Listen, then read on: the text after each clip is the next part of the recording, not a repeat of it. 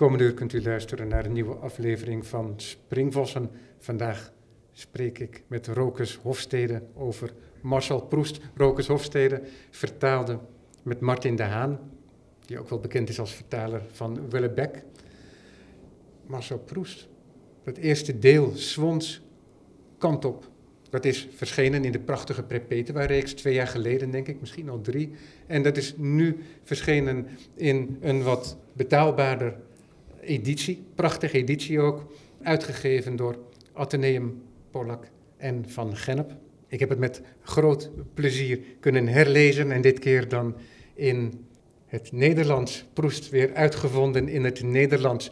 Misschien wil ik je dan meteen vragen om, voordat je ook maar een woord hebt gezegd, om de eerste zin dan voor te dragen zoals jullie die hebben vertaald. Rokus.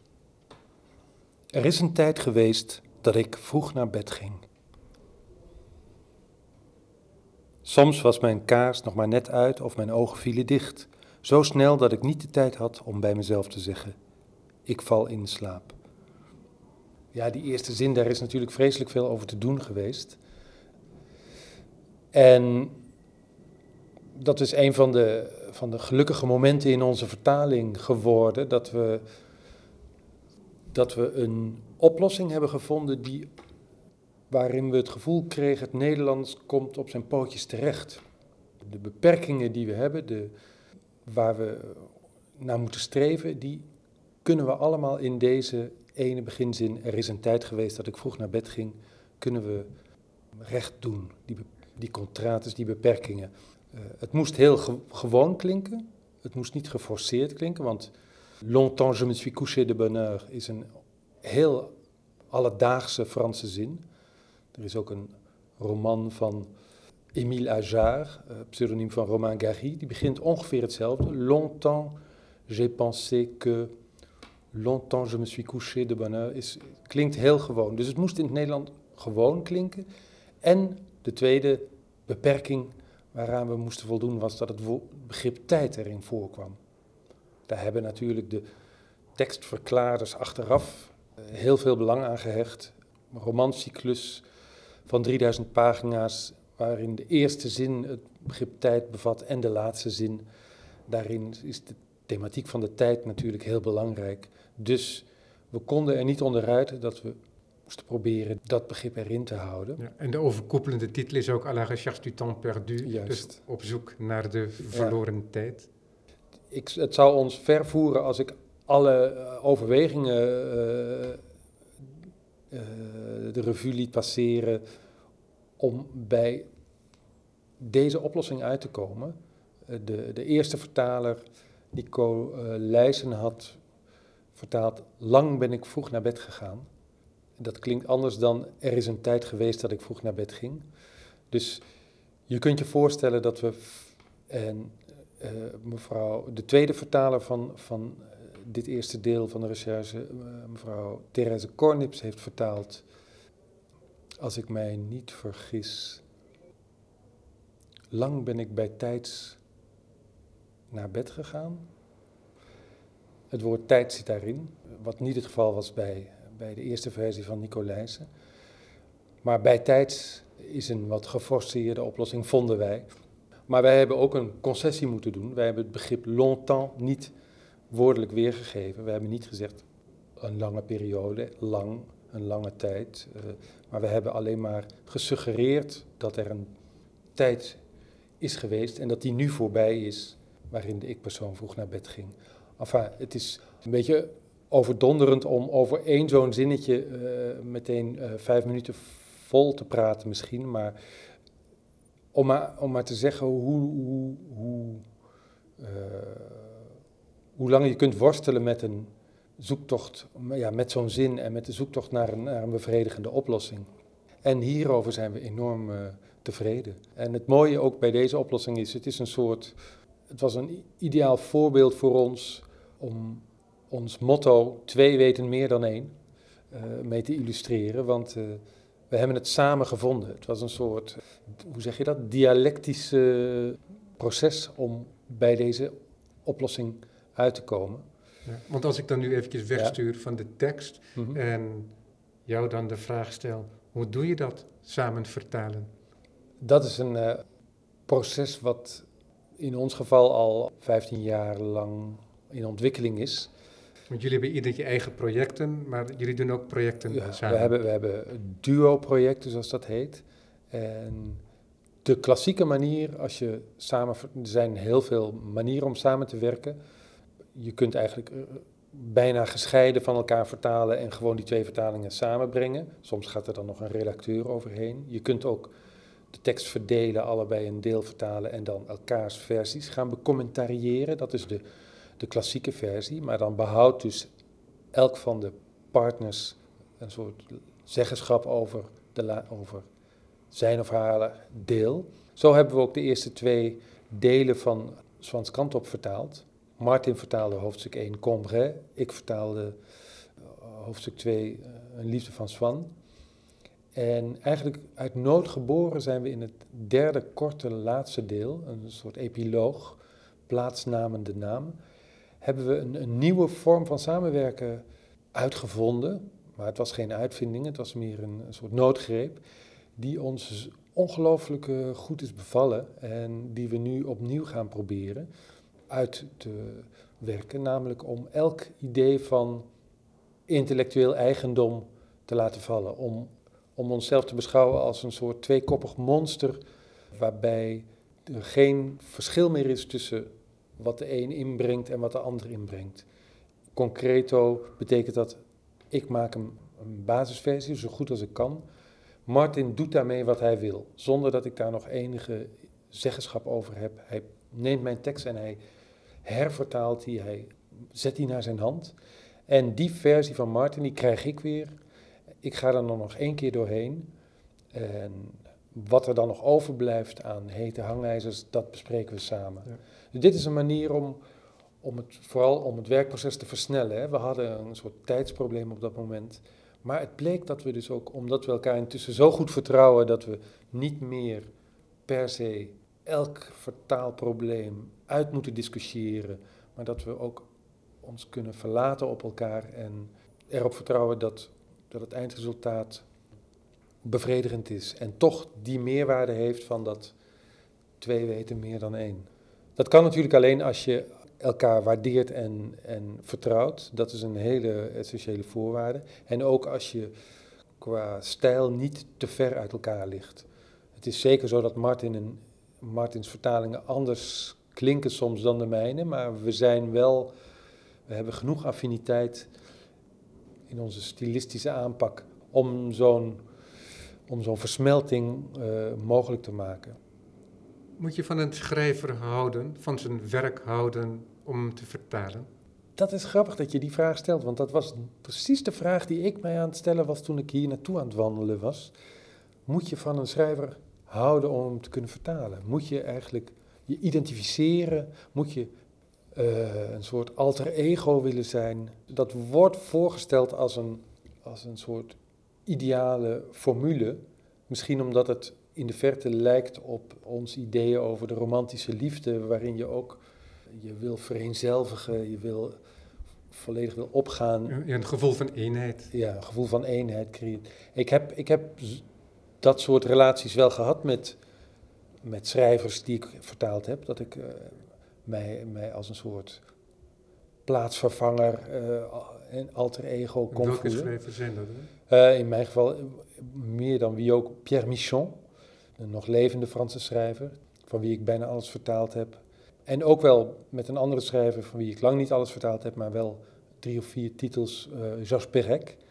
Iemand die volkomen anders van toon is dan Michon, maar die wel.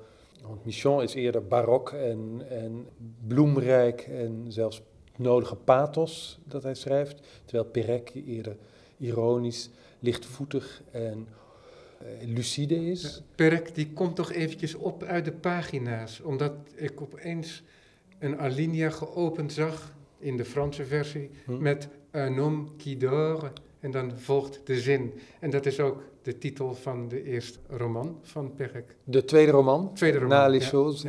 Uh, qui dort. Ja, niet toevallig. Perec had uh, Proest gelezen en uh, dat is een... ja, dat wist ik dan niet, maar ik, maar ik, dacht al zo van dit is volgens mij geen toeval.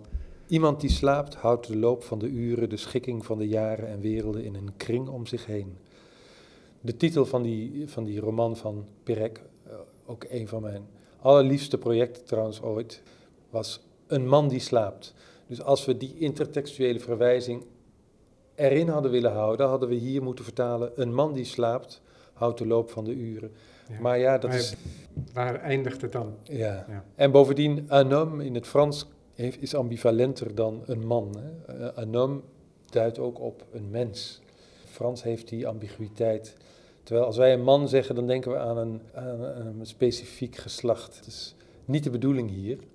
Maar dus het ging om de vraag of je van een schrijver moest houden om hem te kunnen vertalen. En dat, dat kan een eh, gelukkige huwelijk zijn, maar het, het is volgens mij niet echt nodig. Ik heb ook al heel vroeg, toen ik begon met vertalen, een boek vertaald van, van een essayist, filosoof, Émile Cioran, van wie ik al heel snel ontdekte dat ik niet de geringste affiniteit had met zijn werk. Het was een hele grimmige, ook wat pathetische eh, essayist, eh, nihilistisch.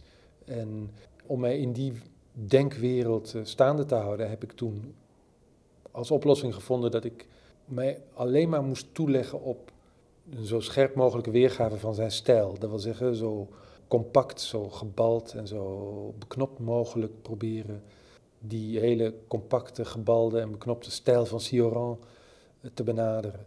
Dus daar speelde iets heel anders dan identificatie. Ik was eerder met een soort travestie bezig. Ik probeer me voor te stellen hoe het voor een acteur is als je een rol moet vertolken waar je van een heel misselijkmakend personage, dan moet je je dan vereenzelvigen met dat personage of kun je ook proberen die weerzinwekkende eigenschappen uit te vergroten zonder dat je ze per se, per se moet voelen. Ik denk dat, je, dat het onder meer de kunst is bij zo'n uitvoerende kunst als theater of vertalen, wat allebei uitvoerende kunsten zijn, dat je, je heel erg je concentreert, je focus op de stijl. En dat de stijl de toegang biedt tot uh, het werk en de, en de auteur en de gedachtenwereld. En om, om die focus op de stijl te hebben, moet je volgens mij niet per se samenvallen met de gevoels- en denkwereld van de, van de auteur. Ja, het zal ongetwijfeld alle twee kunnen werken, maar Robert Bresson is een mooi Frans voorbeeld dan Hm. van een regisseur die dat juist helemaal probeert uit te bannen en dat helemaal in de vorm zoekt, Mhm. bijvoorbeeld. God, dat, nou, nu geef je een voorbeeld dat ik helemaal niet herken. Ah, Maar ja, Ja. Ik, ik ben ook een beetje monomane boekenwurm. En, eh, dus, kan je uitleggen wat je bedoelt met die Robert Bresson? eh? ja, die ehm, is heel beschouwelijk met de camera en de personages die zijn vrij uitdrukkingsloos. Je ziet ook bijvoorbeeld dat Stanley Kubrick Mhm. die liet het paar eh, Tom Cruise en Nicole Kidman tot in het eindeloze aan toe bepaalde scènes repeteren Mhm. om hun acteursgemak eruit te halen, Mhm. om een soort vermoeidheid in te krijgen, waardoor hij uiteindelijk de vorm kon krijgen Mhm. in plaats van een poging om dat, die vorm te inspireren met eh, persoonlijkheid of interpretatie.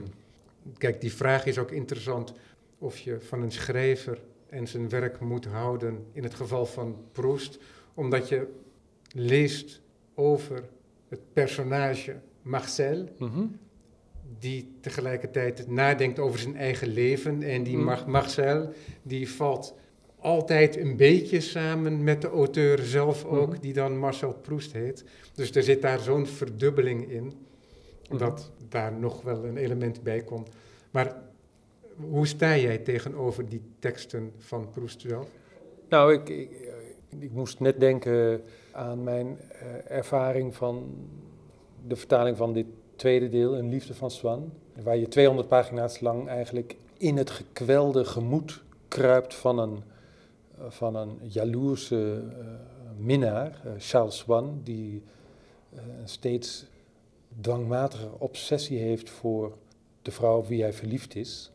Maar zijn verliefdheid lijkt dan ook niet erg veel op datgene wat de meeste mensen verliefdheid noemen. Het is eerder een soort neurotische bezitsdrang.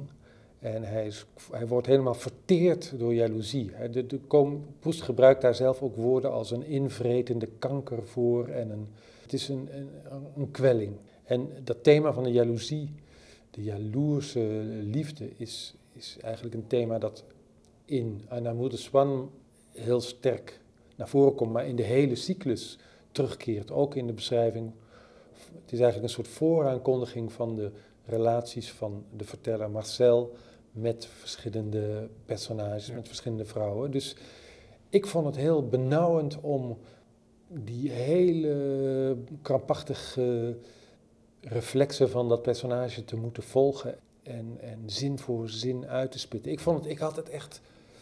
Uh, het woog zwaar om dat te vertalen. Misschien dat kan ik me voorstellen, want ik las het zelf ook met weerzin. Mm. En het is mooi geschreven en het is ingepakt in die grotere cyclus, maar ik kon er ook af en toe niet tegen. Maar zelfs zo dat een hoogtepunt uit die liefde van iets dat ze dan wel deelden, dat mm. paar, dat heette dan Verkatlea. En dat is dan ja, elkaar op een bepaalde manier liefkozen.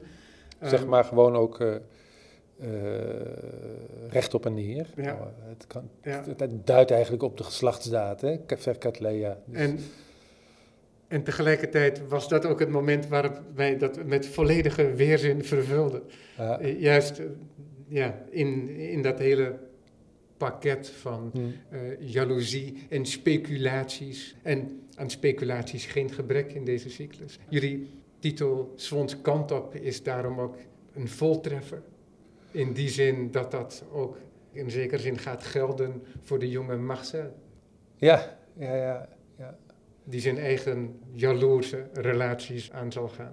En die zelf ook uh, inderdaad een aantal delen lang zich spiegelt aan, aan Swan en aan het personage van Swan en dus ook Swans kant op wil. Ja, ook in positieve zin, want Swan, laten we niet vergeten, was ook een bijzonder gecultiveerd persoon. Bijzonder gecultiveerd, maar nooit in staat om zijn kunstzinnigheid ook een artistieke vorm te geven. Hij werd wel hevig aangedaan en ontroerd, bijvoorbeeld door muziek of door beeldende kunst. Maar hij bleef eigenlijk een soort steriele kunstbeschouwer uh, als puntje bij paaltje kwam. Uh, hij, die ervoor zorgt dat de rijke aristocratie om hem heen wel een mooie collectie kan opbouwen uh, onder zijn bezielende leiding. Maar zijn grote studie over Vermeer zoals dat dan geschreven wordt, die studie die schrijft hij nooit. Nee. En hij gebruikt zijn artistieke eruditie om hertoginnen te verleiden. Hij, hij, gebruikt het dus wel heel duidelijk als een soort sociale troef. Maar Marcel, de verteller, komt er op een gegeven moment ook achter dat uh, het kunstenaarschap, dat Swan te lui is voor het kunstenaarschap. Een bepaalde geestelijke luiheid bezat, waardoor hij niet door wilde denken op zijn eigen contradicties. En daar spiegelt Marcel ja. Swan ook, want hij heeft ergens een vermoeden dat hij iets met woorden, met mhm. wil en een mogelijk schrijverschap. Mhm. Maar alles wat hem interesseert en wat bij hem opbloeit en wat soms verbonden raakt met woorden, misschien moeten we daar nog wel eh, een stukje uit voorlezen, zo mhm. duidelijk dat zijn vrij banale waarnemingen en die hebben niks met een grootse waarheid te maken, uh, schrijft Proest dan. En hij blijft het ook uitstellen, want het boek is ook één grote procrastinatie, het mm. vooruitwerpen van de taak die je jezelf stelt. En daar gaat het boek over, want Marcel is iemand van ouders, gegoede burgerij, mhm. zouden we in het Nederlands zeggen, denk ik. Dat geldt ook voor Swan. En zowel Marcel later als Swan bewegen in de mondaine wereld, die dan de Faubourg Saint-Germain heet. Dat is de adellijke beaumonde. De leisure class eigenlijk. Mensen die, voor wie snop zijn eigenlijk een levensvervulling is. Die Terwijl ze aanvankelijk nog worden gezien als belichaming van edele, nobele waarden. is een van de ontgoochelingen van Marcel, bij de vele ontgoochelingen, ontgoochelende ontdekkingen die hij doet in, in de loop der tijd, dat, dat die salons van de aristocratie volstrekt uh, holle en loze bijeenkomsten zijn en dat daar, dat daar uh, niets wezenlijks uh, wordt gezegd en... en dat je daar eindeloos ook je tijd mee kunt verdoen. Ja. En dat derde deel, plaatsnamen, de naam. Er is een reflectie over de naam, dat gaat over de plaatsnamen, maar ook over de namen van die aristocratische grootheden, Hmm. zoals de Germant. Dat is Hmm. een naam die hem inspireert tot sprookjesachtige reflecties over een historisch verleden dat Hmm. ook voor hem plaatsvindt. Want de Germant hebben ook een landgoed in de buurt van het plattelandshuis waar zijn oud-tante verblijft en waar hij dan ook verblijft. En dat is dan dat beroemde Combray, Hmm. dat je al eerder noemde.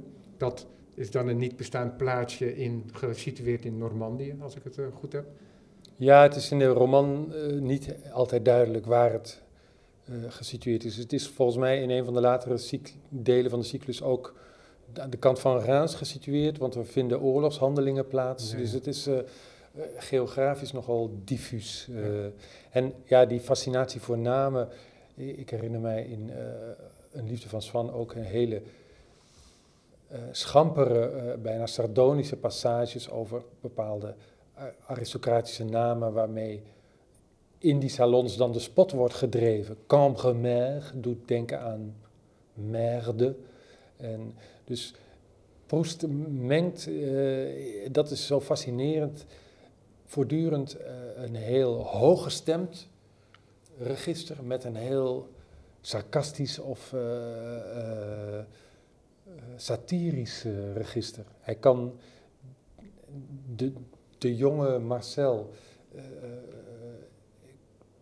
denkt vaak over die aristocratie, bijna in, in religieuze termen. Hij, Ja. het is een soort verafgoding.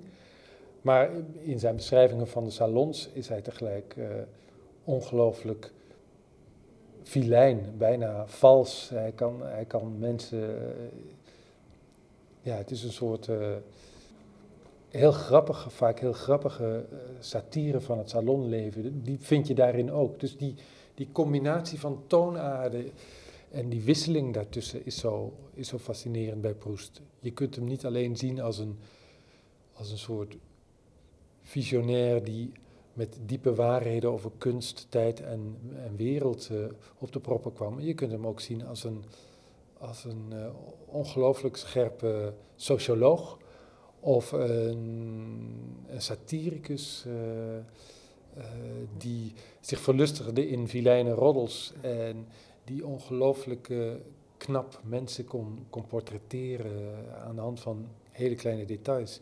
Die ook een enorm gevoel had voor spreektaal. Bijvoorbeeld eh, bij het beschrijven van de eigenaardigheden van die dienstmeid Françoise. Eh, Die, die, de manier waarop hij in de salons van de Verdurand de,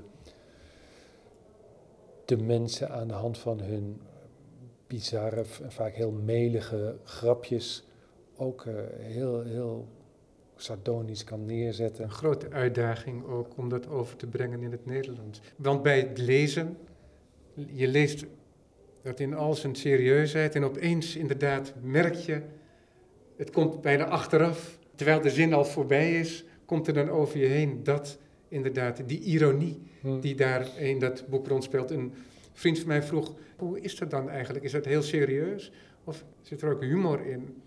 Dat is inderdaad interessant, want het is heel moeilijk om dat woord humor te gebruiken Hm. voor die cyclus.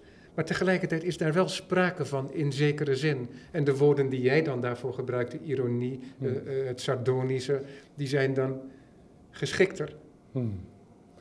Ja, in, in de deel dat ik het beste ken is natuurlijk toch dat deel dat ik zelf heb vertaald, eh, omdat ik daar de meeste tijd mee Ja. heb doorgebracht.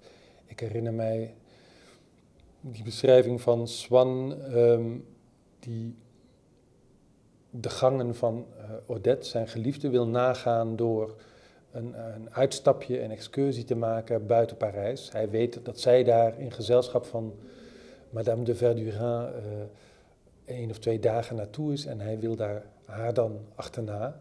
Maar zij heeft hem verboden om daarheen te gaan. En hoe, hoe Proest die, die overwegingen van Swan en alle drogredenen eh, die hij verzint om daar toch heen te mogen gaan, hoe hij die beschrijft, ik vind dat zo ongelooflijk grappig. Ehm, ik heb dat één keer voorgelezen in het openbaar. het was tijdens de presentatie van het boek. Maar ik, ik, kreeg het eigenlijk niet. Ik kon het niet voorlezen zonder zelf in lachen uit te barsten. Dus ja, dat werkte natuurlijk ook heel aanstekelijk. Maar ik vind hem af en toe echt uh, superieur in zijn, in zijn humor. Maar, maar meer, dit is dan een hele komische passage, vond ik. Maar het zit vooral in de, in de portretteringen die, van mensen die, waarin hij eh, heel scherp is. En die bij tijd en wijle ronduit karikaturaal is. Ja, ja. ja. Dan kennen we de personen al en dan mhm. komt er opeens weer een nieuwe beschrijving. En dan wordt iemand ja, met enkele streken neergezet, zoals een volleerd karikaturist dat kan doen. Ja. Ja. Maar er is ook dat serieuze, dat serieuze jong, dat jonge joch dat Marcel dan aanvankelijk is. En zou je deze passage willen voorlezen? Want um, dit boek, dat zou je kunnen zeggen, ligt in de traditie van iemand als Balzac, hè, zijn comedie humaine, dat het gaat over sociale, het beklimmen van de sociale ladder. Mhm. Dat speelt een rol, maar we zitten niet meer in de 19e eeuw, maar in het begin van de 20e eeuw. En we dalen ook af in de menselijke geest. Daarin is Proest niet alleen. En wat dat dan ook kan betekenen, dat denk ik, dat komt hier misschien ook wel tot uiting in deze, in deze passage. Dit is een behoorlijke abstracte passage. Om, uh, kan, je, kan je heel kort zeggen hoe, in wat de context is?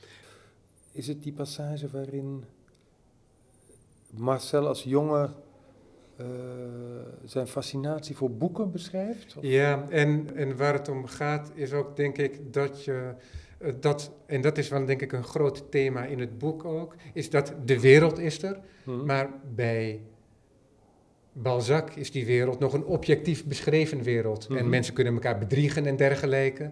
Maar de schrijver die heeft de objectieve varianten als het ware. En die hmm. volgen wij als lezer.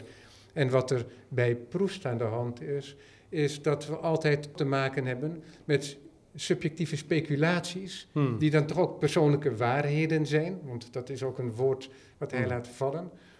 Wat hij ook voortdurend herhaalt, is dat we nooit een personage in zijn volledigheid zien of hmm. kennen, maar één personage is altijd meerdere personages op enig moment. Uh, maar ook reizend door zijn leven verandert een mens. En tegelijkertijd bestaat er ook nog die vermenigvuldiging van de verschillende blikken, vanuit misschien zelfs wel de verschillende sociale klassen op hmm. één persoon. Dus het is een opeenstapeling van allerlei beelden die voortdurend correcties op elkaar zijn. Hmm. En dat idee van die speculatie en dat heel veel van wat wij zien in de ander een projectie van ons is. Ja. Dat komt hierin tot uiting. En wat hier ook in tot uiting komt, is dan dat in die eerste fase heb je de, de projectie, de, de fantasie, en in de tweede fase de teleurstelling. De teleurstelling is bij Proest heel vaak het vervolg op het, het, uh, de overspannen verwachtingen die we ons maken bij een naam of bij een plek of bij een. En de teleurstelling is vaak de confrontatie en de, de oplossing is natuurlijk om in de kunst, voor Proest dan, voor Marcel, als, in de kunst is dan, biedt dan de uitweg die, uit die teleurstelling die de werkelijkheid uh, biedt. Maar dat, daar komt hij pas helemaal aan het eind uh, van het boek achter. Oké, ik zal dit lezen. Ik hoop dat het te volgen is. Het gaat dus over de ervaring van de fascinatie voor boeken van de van die puberende Marcel en over de fascinatie voor het lezen. Hadden mijn ouders me tijdens het lezen van een boek toegestaan de streek die erin werd beschreven te bezoeken, dan zou ik daarmee voor mijn gevoel een onschatbare stap in de verovering van de waarheid hebben gezet. Want al hebben we de indruk dat we altijd door onze eigen ziel worden omgeven, dan is dat niet als een onbeweeglijke gevangenis. We worden er veel eer door meegesleept in een voortdurende drang om er voorbij te komen, naar buiten te geraken, met iets van ontmoediging omdat we om ons heen altijd dezelfde klank blijven horen, die geen echo van de buitenwereld is, maar de weergalm van een innerlijke trilling. We proberen in de dingen het schijnsel te vinden dat onze ziel erop heeft geprojecteerd en waardoor ze waardevol zijn geworden. We zijn teleurgesteld als we constateren dat ze in de natuur de bekoring missen die ze in ons denken ontleenden aan de nabijheid van bepaalde ideeën. Soms zetten we alle krachten van die ziel in om soms zetten we alle krachten van die ziel om in behendigheid, in pracht, om daarmee in te werken op mensen van wie we heel goed beseffen dat ze zich buiten ons bevinden en dat we ze nooit zullen bereiken. Deze jonge Marcel, die volgt uiteindelijk Swan toch ook die mondaine wereld in. Mhm. Ze komen elkaar daar ook tegen. Maar niet zonder dat er voortdurend referenties zijn ook aan de opdracht die hij zichzelf toch gesteld heeft en waarvan zijn omgeving ook op de hoogte is. Zijn moeder, zijn oma, zijn geliefde oma, die ook veel van hem verwacht. En die, die uitstel van die opdracht, van dat schrijven, Mhm. Dus eigenlijk ook begeleiden en ook een schandelijke getuigen zijn, of de getuigen van de schande dat hij zich niet ertoe kan zetten om te doen wat hij zich ten doel heeft gesteld. Ik weet nou niet meer waar ik heen wil. Ja. ja. Ja. Ja, nou ja, dat, dat gebeurt Het, het is wel in ieder geval duidelijk dat, dat alleen in de kunst, al voor het laatste deel eh, de tijd hervonden, wordt het duidelijker en duidelijker dat Marcel zijn eigen overgevoeligheid, zijn onvermogen om, om in de wereld te functioneren, eh, in zekere zin aanvaardt als een soort eh voorbode, voor eh, aankondiging van zijn kunstenaars, van zijn schrijverschap. Hij, hij, hij, het wordt al, al in eerdere delen steeds duidelijker dat alleen voor hem alleen in, in kunst, in literatuur, soelaas te vinden is. Dus, eh, en die overgevoeligheid, die, dat wordt hem ook door anderen, door de anderen voorgehouden. Ik herinner mij in het tweede deel nog die, die eh, tegen zijn grootmoeder zegt, maar het is een zeer edele natuur, die kleinzoon van u, hij is heel... eh, hij heeft een kunstenaarsnatuur, hij is, hij is gevoelig. En dus je ziet ook hoe die identificatie met, dat, met die roeping al in de loop van de delen gestalte aan het krijgen is. Ja, en ook dus de realisering langzamerhand dat je niet per definitie met mooie dingen iets moois maakt. Dus dat kunst er niet uit bestaat dat je zoveel mogelijk andere kunsten oproept, Hm. maar dat dat ook met hele eenvoudige Ja. of zelfs banale elementen opgeroepen kan worden. De schoonheid. Ja.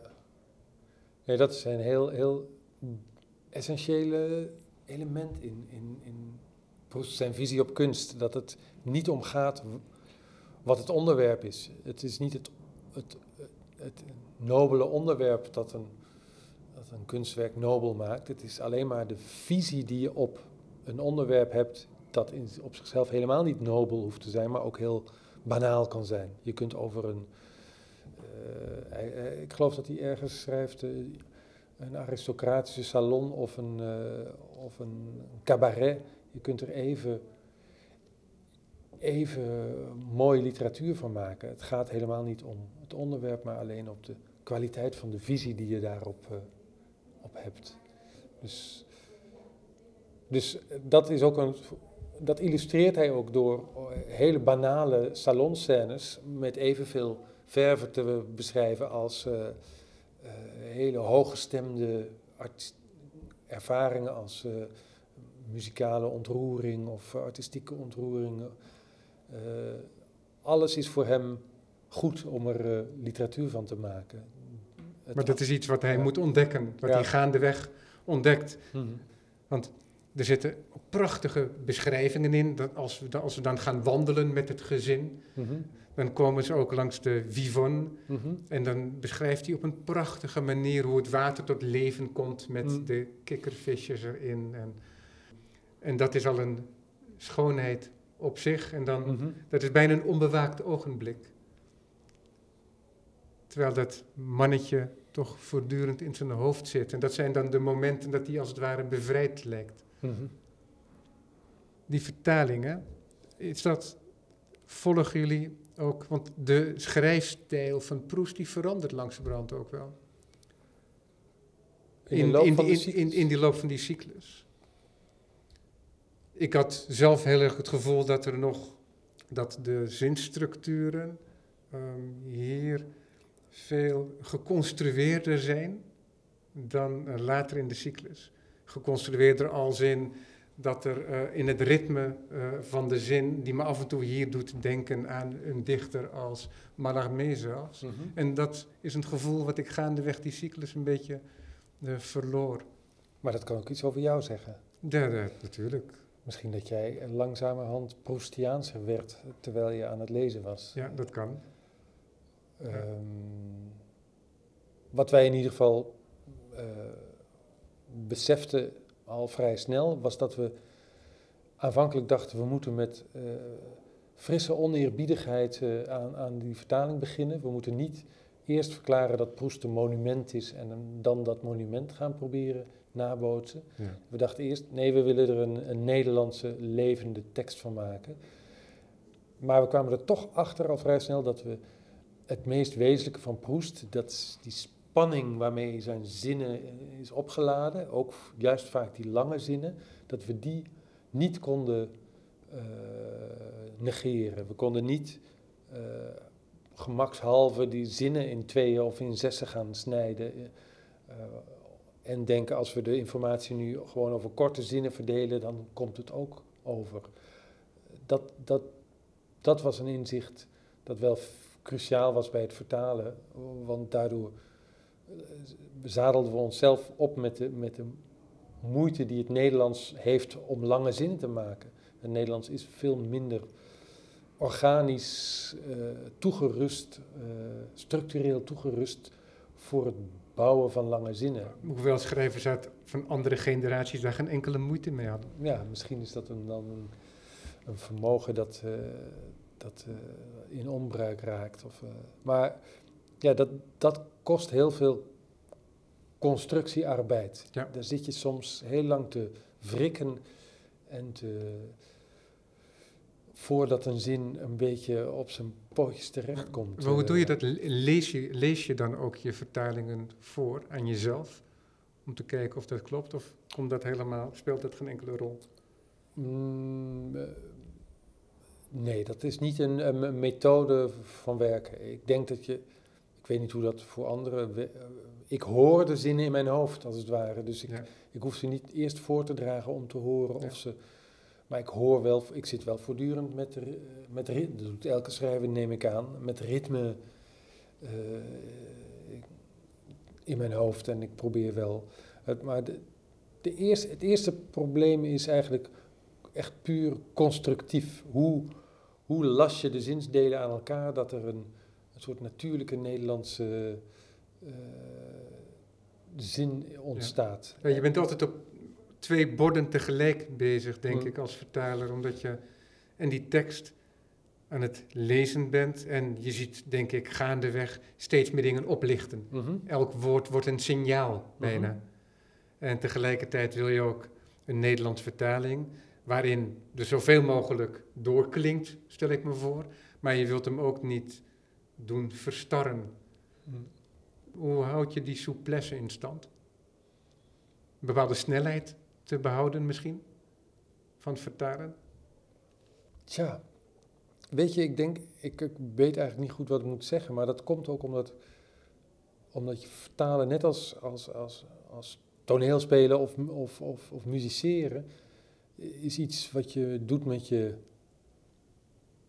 wat je eigenlijk intuïtief doet. Het is een soort muzikale, het is een technische, maar vooral muzische uh, aangelegenheid. Dus je gebruikt je lichaam, je gebruikt je, je de taal die je, die uh, die in jezelf is neergedaald, waardoor iemand van geboren in de jaren 50, zoals ik ook, noodgedwongen heel anders zal vertalen dan iemand die is geboren in de jaren 80, uh, eh, om maar iets te zeggen.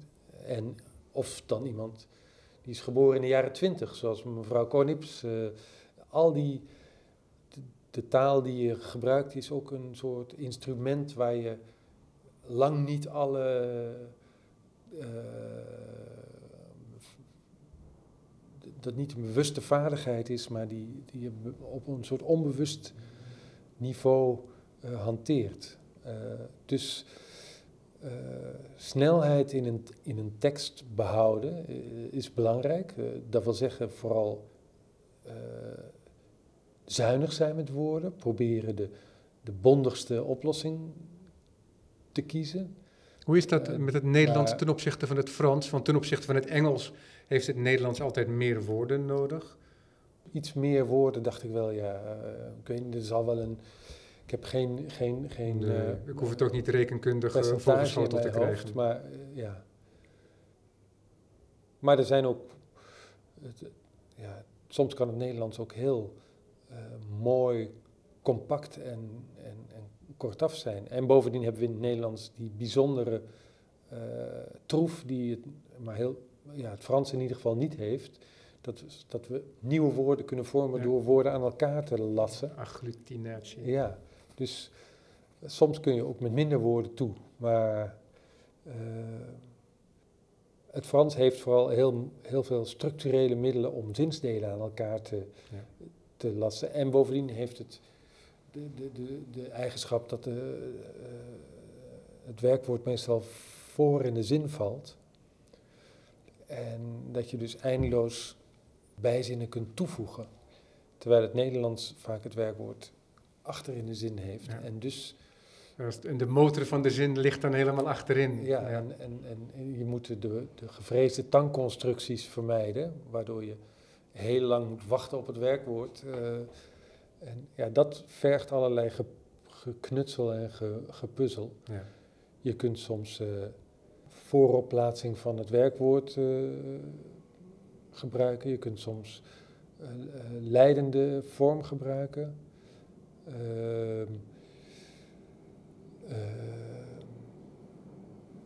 ja, het is. Um, maar ik zeg het, het is, het is voor een deel ook een soort intuïtieve ja. uh, aangelegenheid. Is jouw waardering voor Proest veranderd? Um, goh, ja, wat, sinds, sinds ik dit boek vertaald heb? Ja. Of, um, had je de hele cyclus al gelezen daarvoor ooit? Nee. Nee. En... Wat had je gelezen al?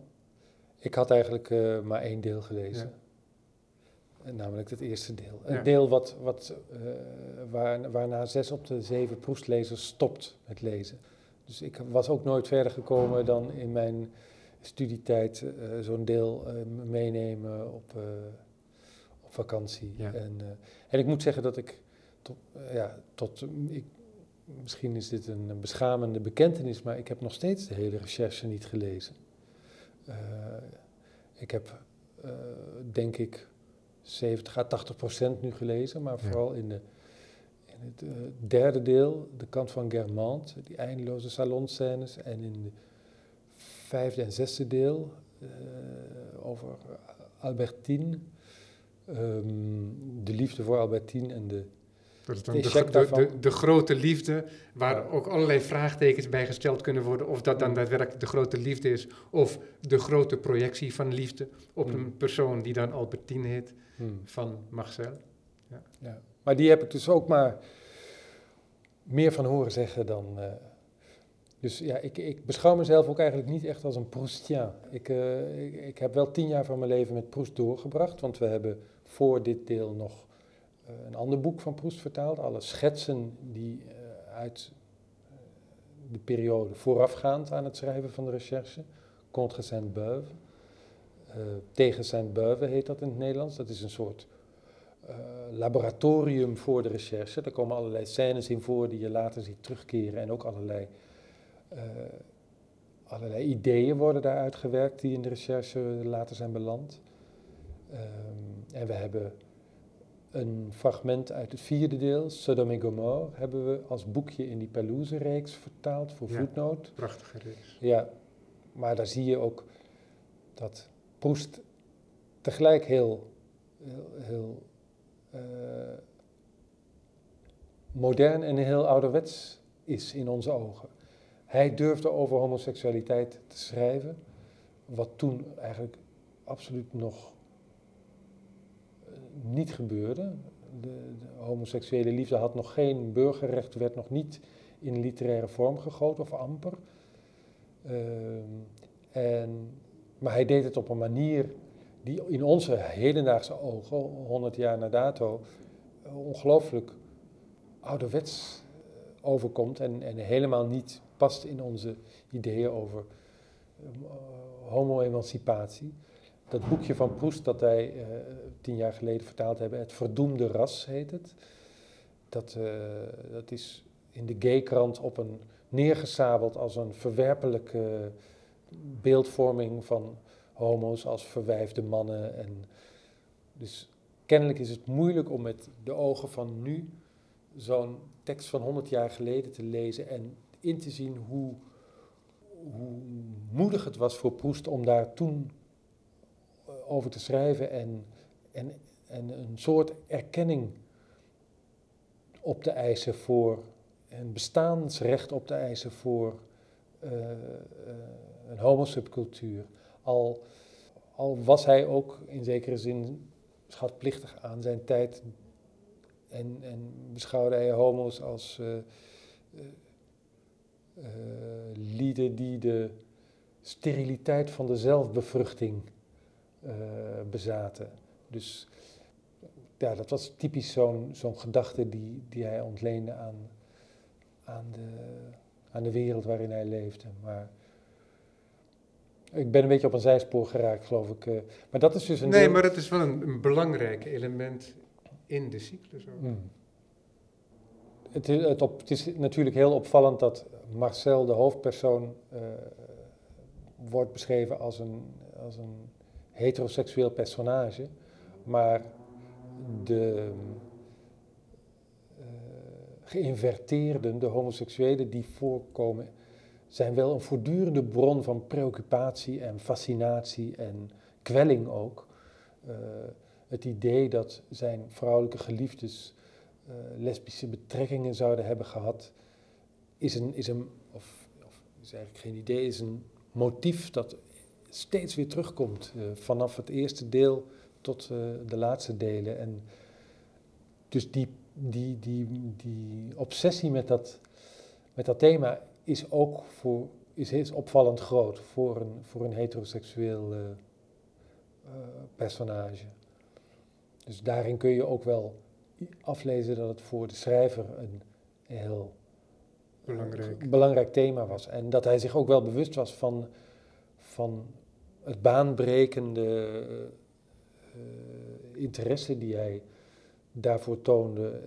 Door als een van de allereerste homoerotische scènes uh, te schrijven, zoals de, de liefdescène tussen Charlus en Jupien, of uh, ook uh, bordeelscènes waarin SM plaatsvindt. Dat, dat durfde hij toen ook al in de jaren tien van. Ja, en dat speelt zich, die, die SM-scènes, die spelen zich ook af, dus in een club, maar dat is dan bijna een soort onderwereld die beschreven wordt van dat speelt zich ook af tijdens de Eerste Wereldoorlog. Hmm.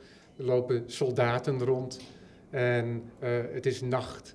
En mensen ontmoeten elkaar daar. En Marcel, die uh, komt dat toevallig op het spoor. Mm-hmm. En uh, is dan inderdaad getuige van wat scènes. Mm-hmm. Van mensen die hij kent. Maar dat is sowieso een hele theatrale passage in het boek. Ja. Maar dan kom ik toch weer terug bij die vraag. Is jouw waardering voor Proest veranderd door het vertalen van dat werk? Omdat je er dan zo met je neus op gaat zitten. Want ik neem aan dat je niet alles leest als vertaler per definitie. Dus als je het ooit een keer leest, dat je het niet leest met het oog per definitie om het te vertalen, of dat je het met een vertalers oog leest. Ja, dat laatste. Wel. Uh, dat is een soort. Uh, ik lees alles onmiddellijk vanuit het idee. Hoe, zou het klinken als het vertaald werd? Is het vertaalbaar? Kan, uh, meestal denk ik dan dat het niet vertaalbaar is en dan wordt mijn verlangen om het te vertalen juist alleen daardoor al aangewakkerd. ja, die, de, dat is een soort reflex die je krijgt als je, met, als je veel vertaalt, denk ik, dat je van alle teksten de vertaalpotentie meteen probeert te, te peilen.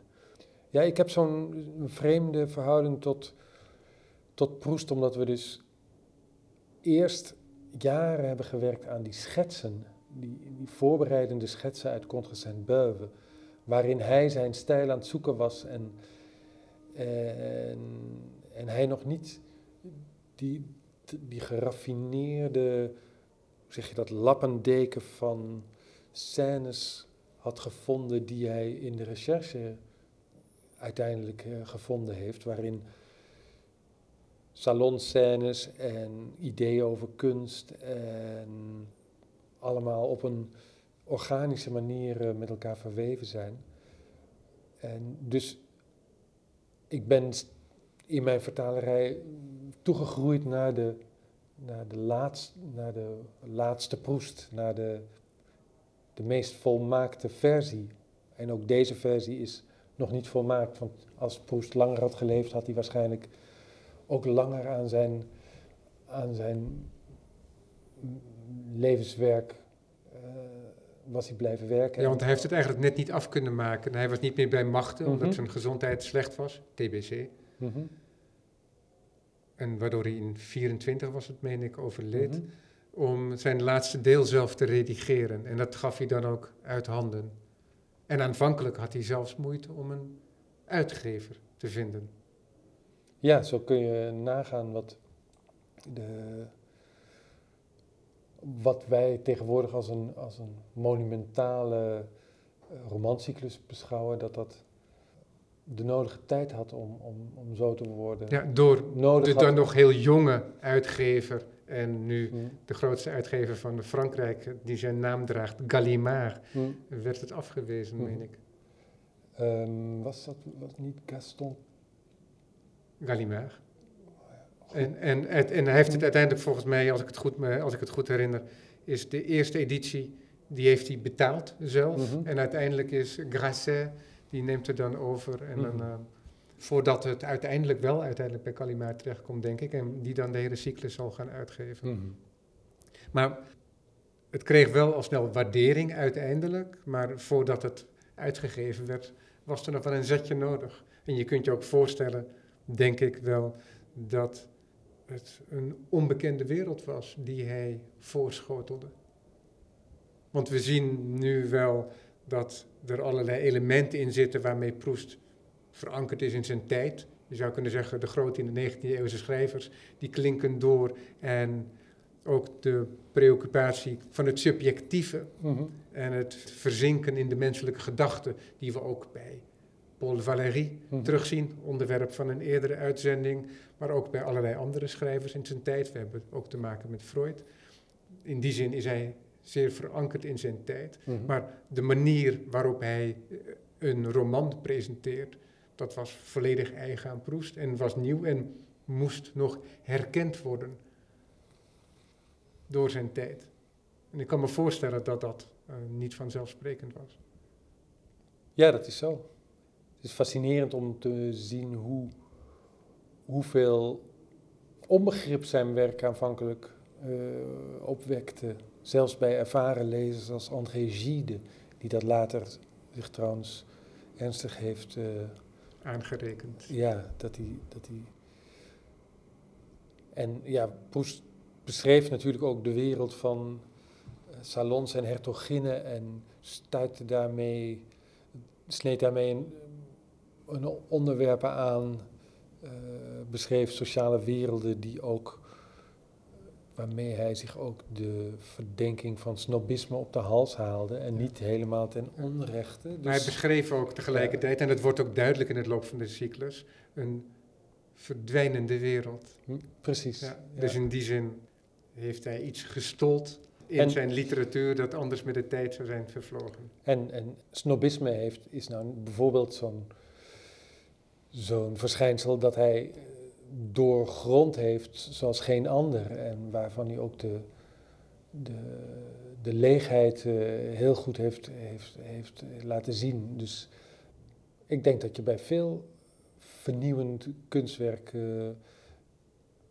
zo'n eh, hele gefaseerde ontvangst kunt, kunt, kunt waarnemen. Waarbij als een werk onmiddellijk gezien wordt en gewaardeerd wordt, misschien dat, dat je dan ook je kunt afvragen of het wel vernieuwend is. Want eh, juist vernieuwing vereist dat de, de gangbare perceptie van wat kunst is, eh, wordt verschoven, wordt verplaatst, wordt veranderd. En Ja. dat doet Proest natuurlijk met dit boek Ja. enorm. Ik hoop dat jullie de hele cyclus gaan vertalen. Ik leg je een hele last op je schouders, want het is nog een hoop werk. Maar dat is in ieder geval waar ik naar uitkijk, Rokers Hofstede. Ik dank je in ieder geval voor deze prachtige vertaling en voor je gesprek. Graag gedaan.